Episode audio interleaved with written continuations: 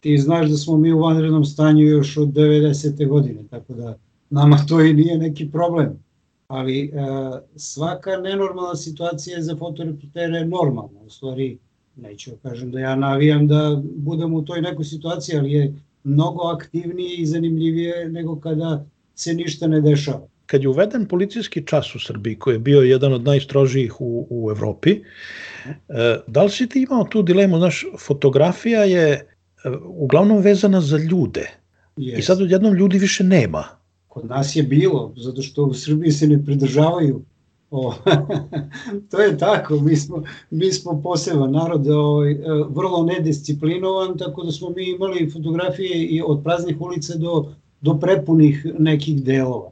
Recimo, jedan deo kude ja hodam na posao kada idem, od Beograda, ovaj, od Dunav stanice do, do večerih novosti, postoji jedan mali trgić kod kafana i Hercegovina, tamo su ljudi u, u, u, u 4 sata ili 6, ne znam kad su šeteli kerove, E, bivali na, na desetine, onako 50-60 na jednom malom prostoru sa po 2-3 psa, što je opet nenormalno.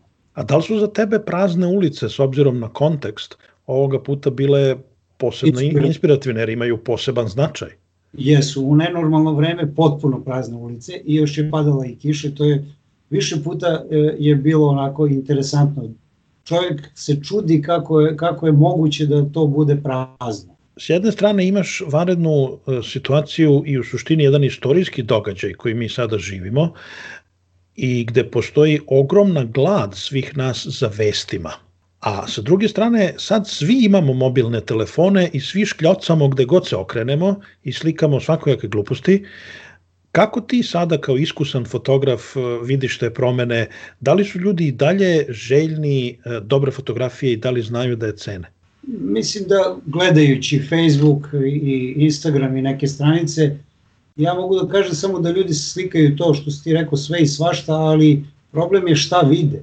Jer, a, ne možeš da fotografišeš bilo šta. To može da bude banalna stvar, a da to nikom ništa ne znači. Znači, fotografija je stvar gledanja, stvar uma.